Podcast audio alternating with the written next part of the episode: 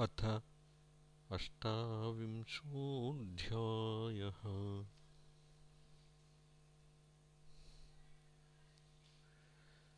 सबीजयोगलक्षणम् सगुणस्य भगवतः पृथगवयवध्यानवर्णनम् च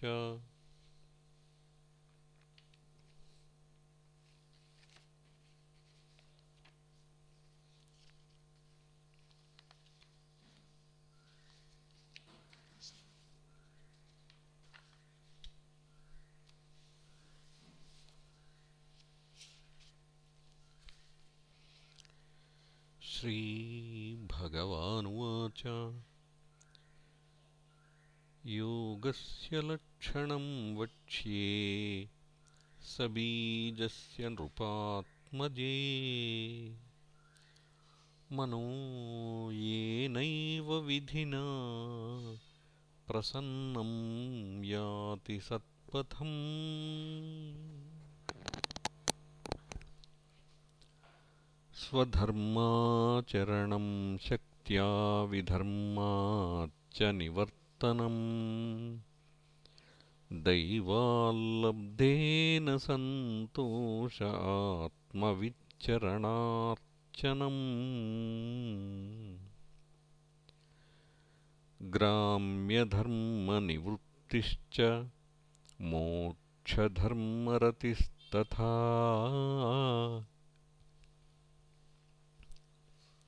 मितमेध्यादनं शश्वद्विविक्तक्षेमसेवनम्। अहिंसा सत्यमस्तेयं यावदर्थपरिग्रहः ब्रह्मचर्यं तपःशौचं स्वाध्यायः पुरुषार्थ मौनं सदासनजयः स्थैर्यं प्राणजयः शनैः प्रत्याहारश्चेन्द्रियाणां विषयान्मनसा हृदि स्वधिष्ण्यानामेकदेशे मनसा प्राणधारणम्। वैकुण्ठलीलाभिध्यानं समाधानं तथात्मनः। एतैरन्यैश्च पथिभिः मनोदुष्टमसत्पथम्। बुद्ध्यायुञ्जीतशनकैः जितप्राणो ह्यतन्द्रितः।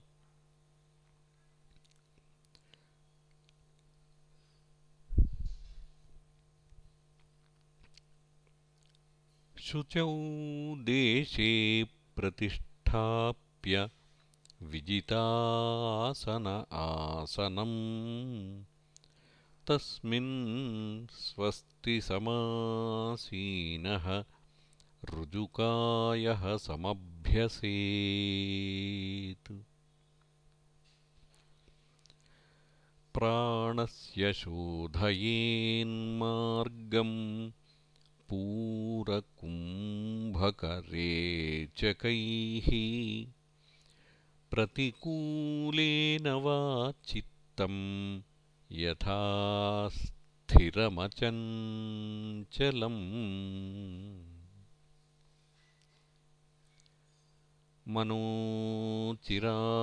स्याद्विरजं जितश्वासस्य योगिनः। वायुवग्निभ्यां यथा लोहम् ध्मातं त्यजति वै मलम्।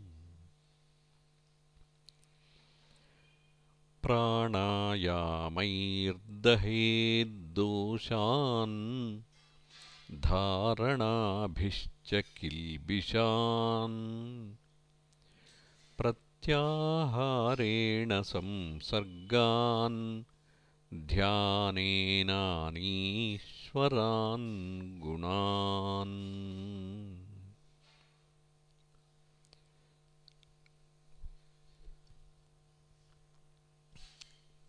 यदा मनः स्वं विरजम् योगेन सुसमाहितम्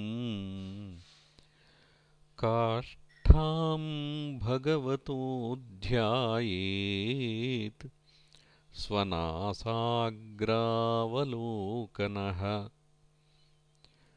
प्रसन्नवदनां भोजम् पद्मगर्भारुणेक्षणम्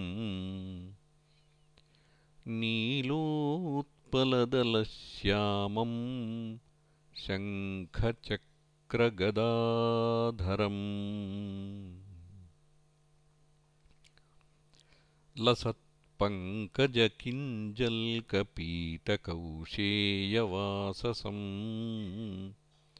श्रीवत्सवक्षसं भ्राजत्कौस्तुभामुक्तकन्धरम्। मत्तद्विरेफकलया परीतं वनमालया परार्ध्यहारवलय किरीटाङ्गदनूपुरम्। काञ्चीगुणोल्लसच्छ्रोणिम् हृदयाम्भोजविष्टरम्। दर्शनीयतमं शान्तम् मनोनयनवर्धनम्। अपीच्यदर्शनं शश्वत् सर्वलोकनमस्कृतम्। सन्तं वयसि कैशोरे भृत्यानुग्रहकातरम्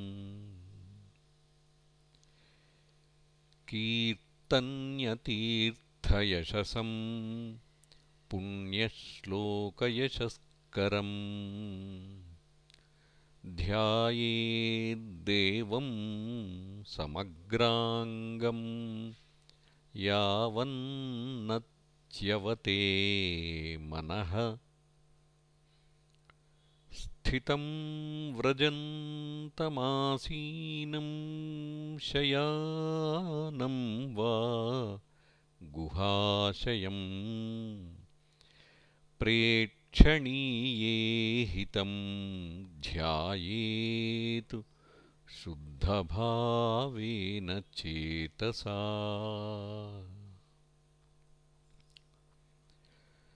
तस्मिन् लब्धपदं चित्तं सर्वावयवसंस्थितम् विलक्ष्यैक संयुज्यादङ्गे भगवतो मुनिः सञ्चिन्तयेद्भगवतश्चरणारविन्दम्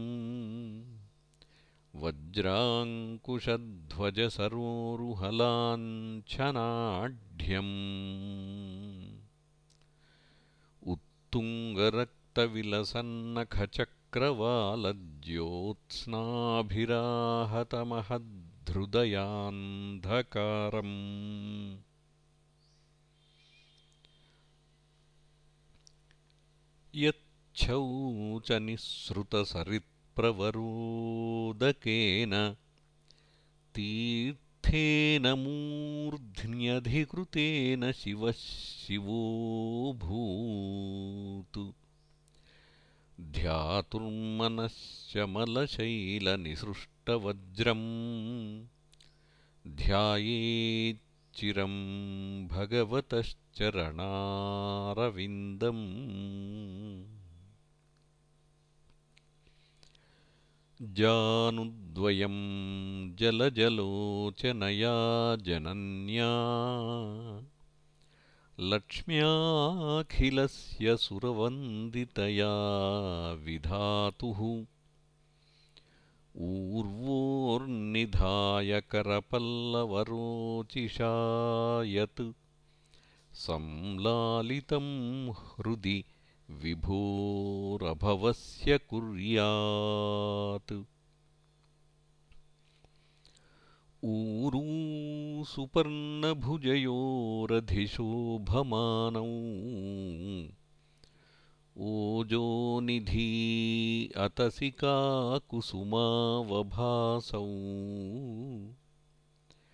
व्यालम्बिपीतवरवाससि वर्तमानकाञ्चीकलापपरिरम्भि नितम्बबिम्बम्।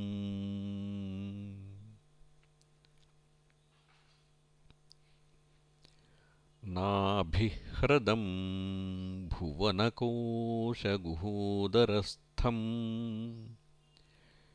यत्रात्मयोनिधिषणाखिललोकपद्मम् व्यूढं हरिन्मणिवृषस्तनयोरमुष्यध्यायेद्वयम् विशदहारमयूखगौरम्। वक्षोऽधिवासमृषभस्य महाविभूतेः पुंसां मनोनयननिर्वृतिमादधानम्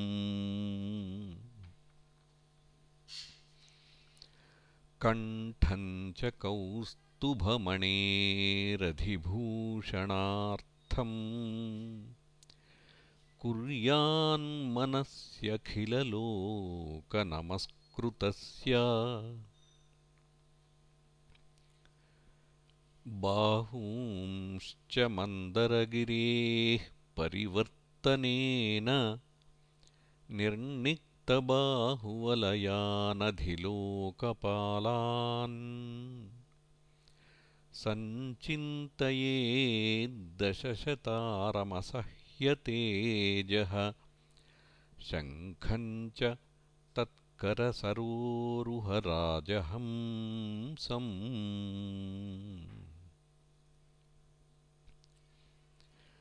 कौमोदकीं भगवतो दयितां स्मरेत दिग्धामरातिभटशोणितकर्दमेन।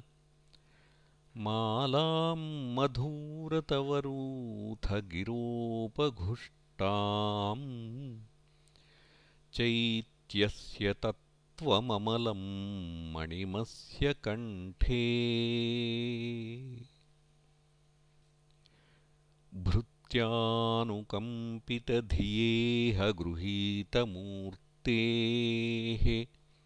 सञ्चिन्तयेद्भगवतो वदनारविन्दम्। यद्विस्फुरन्मकरकुण्डलवल्गितेन विद्योतितामलकपोलमुदारनासम्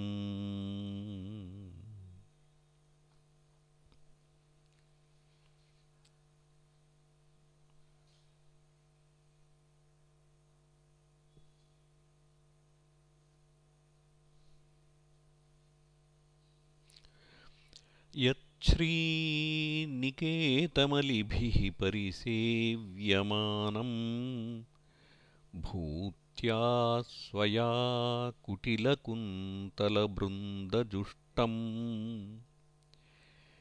मीनद्वयाश्रयमधिक्षिपदब्जनेत्रम्। ध्यायेन्मनोमयमतन्द्रित उल्लसद्भ्रू तस्यावलोकमधिकं कृपयातिघोरतापत्रयोपशमनाय निसृष्टमक्ष्णोः। स्निग्धस्मितानुगुणितं विपुलप्रसादम् ध्यायेच्चिरं विततभावनया गुहायाम्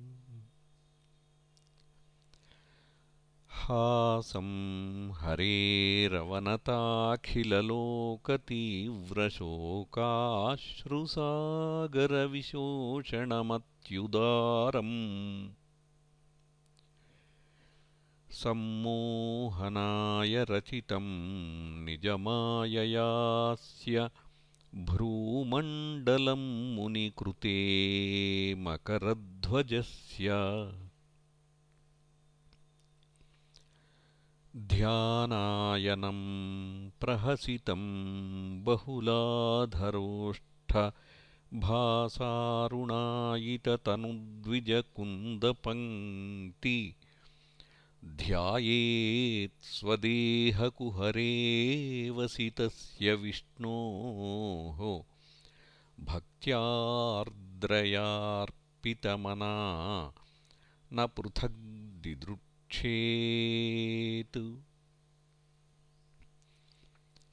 एवं हरौ भगवति प्रतिलब्धभावो। भक्त्याद्रवद्हृदय उत्पुलकः प्रमोदात्। औत्कण्ठ्यबाष्पकलया मुहुरद्यमानः तच्चापि चित्तबडिशं शनकैर्वियुङ्क्ते।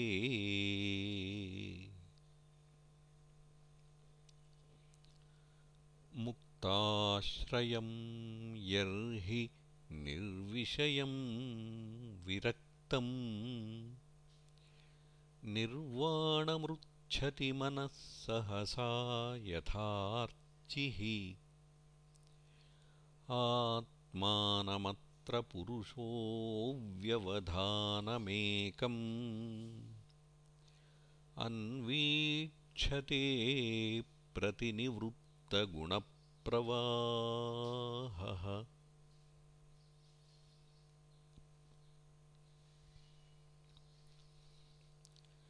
सोऽप्येतया चरमया मनसो निवृत्त्या तस्मिन्महिम्न्यवसितः सुखदुःखबाह्ये। हेतुत्वमप्यसति कर्तरि दुःखयोर्यत् स्वात्मन्विधत् उपलब्धपरात्मकाष्ठः देहं च तं न चरमः स्थितमुत्थितं वा? सिद्धो विपश्यति यतोऽध्यगमत्स्वरूपम्। दैवादुपेतमथ दैववशादपेतम् वासो यथा परिकृतं मदिरामदान्धः। देहोऽपि दैववशगः खलु कर्म यावत्। स्वारम्भकं प्रति समीक्षत एव सासुः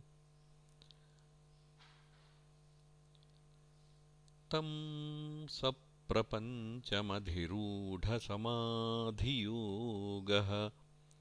स्वाप्नं पुनर्न भजते प्रतिबुद्धवस्तुः।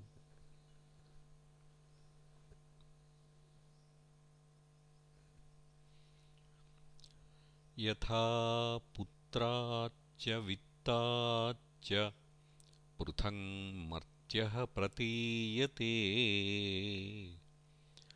अप्यात्मत्वेनाभिमताद्देहादेः पुरुषस्तथा।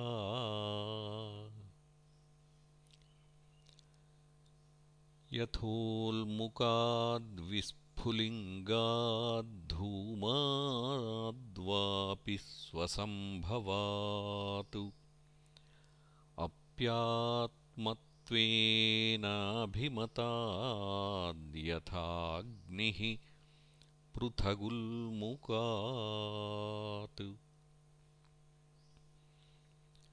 भूतेन्द्रियान्तःकरणात् प्रधानाज्जीवसंज्ञितात् आत्मा तथा पृथग्द्रष्टा भगवान् ब्रह्मसंज्ञितः। सर्वभूतेषु चात्मानम् सर्वभूतानि चात्मनि ईक्षेतानन्यभावेन भूतेष्विव तदात्मताम् स्वयोनिषु यथा ज्योतिरेकं नानाप्रतीयते। योनीनां गुणवैषम्यात्तथात्मा प्रकृतौ स्थितः। तस्मादिमां स्वां प्रकृतिं दैवीं सदसदात्मिकाम् दुर्विभाव्यां पराभाव्यस्वरूपेणावतिष्ठते।